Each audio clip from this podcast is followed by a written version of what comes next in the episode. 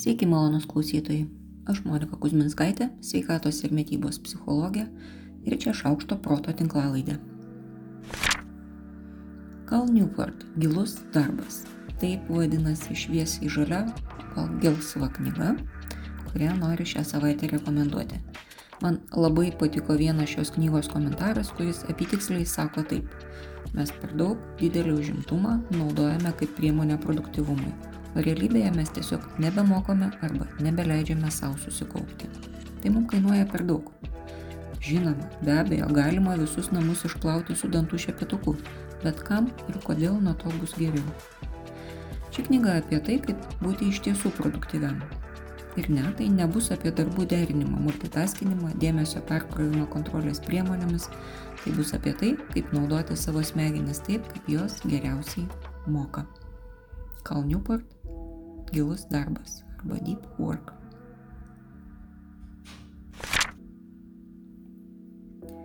Nerimo suspaustas apetitas.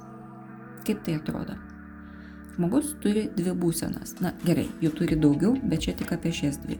Būna, kad nervinamės ir valgome daug, ir būna, kad nervinamės ir nustojam valgyti. Kaip jums būna dažniau? Mechanizmas, kuris veikia, kai žmogus nerimauja, o apetitas didėja, yra pagrystas to, jog į maistą patekusi į organizmą smegenys reaguoja išskirdamas malonumą jausmą sukeliančių hormonų, konkrečiai dopamino ir serotonino. Jei žmogus yra patyręs, jog nerimaujant pavalgius jis pajuto palengvėjimą, jis gali tokį elgesį imti kartoti net nesusimastydamas. Palengvėjimas gali būti ir dėl to, kad jis ar jį, kol valgė, bent trumpam atsitraukė nuo nerimą keliančios veiklos, galbūt dėl to, kad tuo metu sugalvojo sprendimą nerimą keliančiai situacijai, o gal tiesiog suprato, kad nerimauti nebuvo ko. O toks elgesys dar buvo apdovanotas ir malonumo porcija.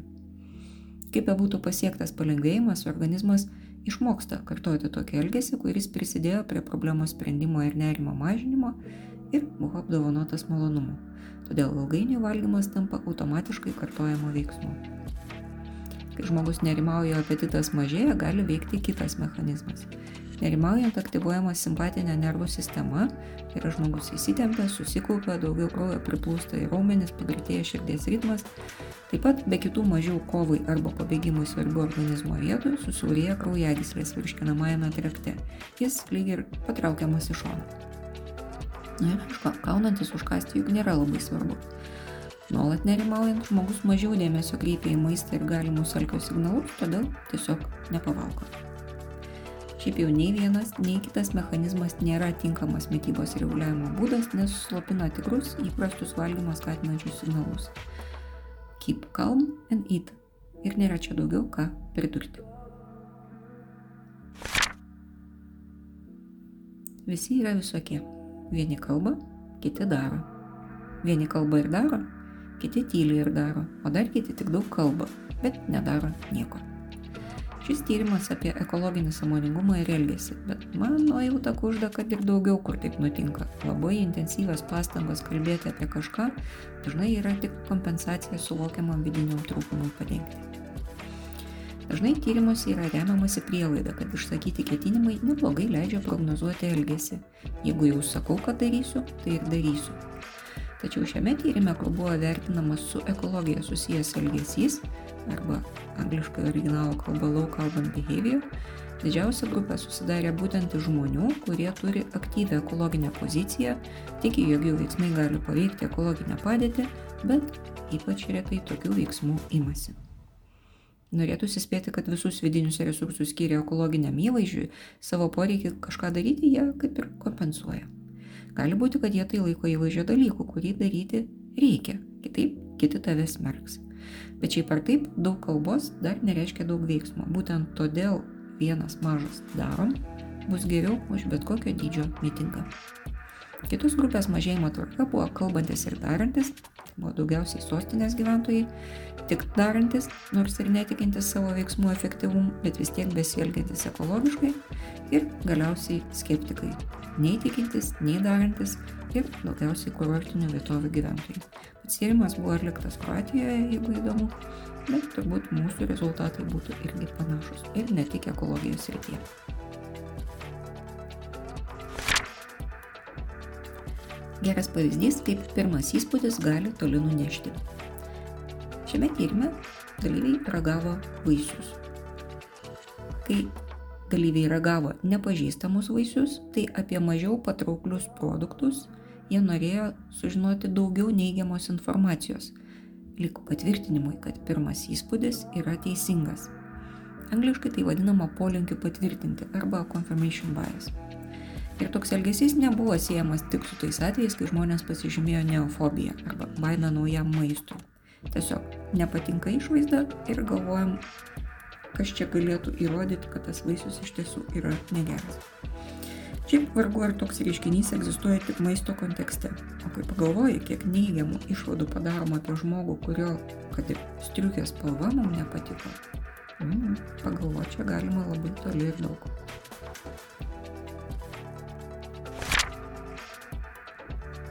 Turbūt jau milijoną kartų girdėjote, kad siekiant pagerinti savijautą, sumažinti nerimą, pradėti sveikti nuo valgymo sutrikimų, tame tarpe rekomenduojama riboti socialinius tinklus.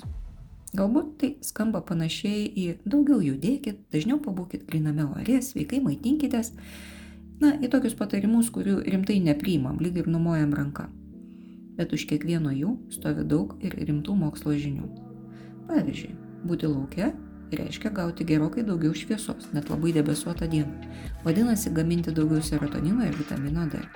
Tai yra tiesiogiai susijęs su savijauta ir gerokai paprasčiau, pigiau ir patogiau negu bet koks gydimas. Patarimas atrodo paprastas, bet už jo yra rimtų argumentų. Ši apžvalga buvo apie socialinių tinklų ryšius su valgymo sutrikimais. Tai žinoma, kuo daugiau socialinių tinklų vartojimo, tuo didesnė rizika sirgti. Ir tai nėra susiję tik su internetu ir išmaniaisiais telefonais, greičiau tai susiję su to, kaip mes formuojam skleidžiamą turinį. Kai Fidži Respublikoje atsirado televizija su amerikietiškais serialais, pavyzdžiui, atsirado ir bulimijos atveju, prieš tai jų nebuvo. Atsirado reikšmingai daug. O prieš televiziją buvo žurnalai ir knygos, o prieš tai buvo plakatai ir paveikslai. Ir kai aš sakau prieš tai, tai čia jau turiu omeny šimtmečius. Žmonės valgymo sutrikimais serga jau senai, bet kultūriškai formuojami trigeriai visada vis tiek lieka tie patys. Yra kažkokio formato socialinė medija, kuri sako, kaip reikia ir, ir čia mus kažką tai daryti.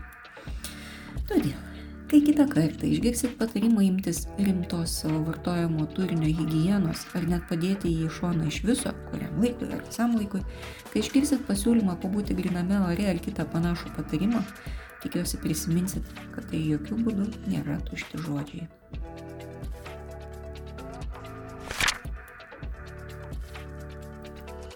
Akimirka laiko gali padovanoti visai netikėtų dalykų. Pavyzdžiui, jei tą akimirką skirsit klausimui, ar tikrai. Aišku, ne visada ta akimirka yra. O bet tačiau juk ne visada turime veikti tučtojau. Mūsų atmintis turi keistą tendenciją. Kažkart iš, kas kartą išsitraukus prisiminimą, jie vis po truputį pakeisti. Yra net teorija, kuri sako, jog tikslus prisiminimas neegzistuoja. Kas kartą prisimindami mes istoriją perkūrėme. Tai, ką prisimenam dažnai, tada turbūt gali būti visiška fikcija nors galėtumėm atiduoti ranką, kad buvo būtent taip. Taigi siūlau jums tokį eksperimentą. Prisiminkit tai, ką gerai žinot. Filmą, knygą, tyrimo rezultatus, laišką, kas tai bebūtų. Raskit originalą ir dar kartą peržiūrėkit. Pastebėkit, ar jūsų prisiminimas tikslus, o gal kažkokios dalis nubirėjo, gal pasikeitė, gal pridėjot ką nors. Gal taip ir nebus, o gal kaip tik atrasit kažką naujo. Aš esu atradus labai daug įdomių vietų, iš naujo peržiūrėjusi savo itin mėgstamą filmą Baraka. Man atrodo, kad kiekvieną kartą pamatau naujų detalių. Tas pats vyksta iš naujo atsivertus Žiulį Verną ar Mary Poppins. Visai netaip prisiminiau filmą Eat, Pray, Love ir be reikalo nešiaus kiek daugiau kritišką nuomonę apie šį filmą, negu iš tiesų jis nusipelno. Kartais tai tik malonumo reikalas, o kartais tai gali reikšti neteisingus ir kartojamus veiksmus. Malonius dalykus visada malonu kartoti, todėl nuo jų geriausia ir pradėti šį eksperimentą. O ką norėtumėte atsiversti dar kartą, ką jums būtų malonu prisiminti? Eksperimentas yra viena iš dažnai naudojamų technikų kognityvinėje elgesio terapijoje. Eksperimentas yra skirtas patikrinti įsitikinimo teisingumui. Įsitikinimai yra saliginai tvirti, bet nebūtinai teisingi sprendimai, kuriuos naudojam nekritiškai, nebetikrindami kiekvieną kartą jų teisingumą. Klaidingi įsitikinimai gali metų metais mus vesti neteisingų kelių, taip ir nesuprantant, kas su manim, ar su kitais, ar su pasauliu yra negerai. Eksperimentas leidžia atpažinti klaidas įsitikinime ir, stovint akistatoje su nauja informacija, jį pataisyti ir perkonstruoti iš naujo. Jeigu imatės eksperimentų, pasidalinkit, prašau, savo patyrimais, bus labai įdomu ir visiems naudinga. Šiai savaitė tiek. Aš Monika Kuzminskaitė, sveikatos ir mytybos psichologė, padedu spręsti kasdienius ir sudėtingus elgesio, mąstymo ir emocijų klausimus. Rašau, skaitau paskaitas, teikiu psichologinės konsultacijas. Mane rasit socialiniuose tinkluose vardu Šaukštas Prota, arba gyvai Vilniuje Goštauto gatvėje. Rašykit man asmeninę žinutę socialiniuose tinkluose arba elektroniniu paštu adresu šaukštas.prota.gmail.com. Taikos ir ramybės.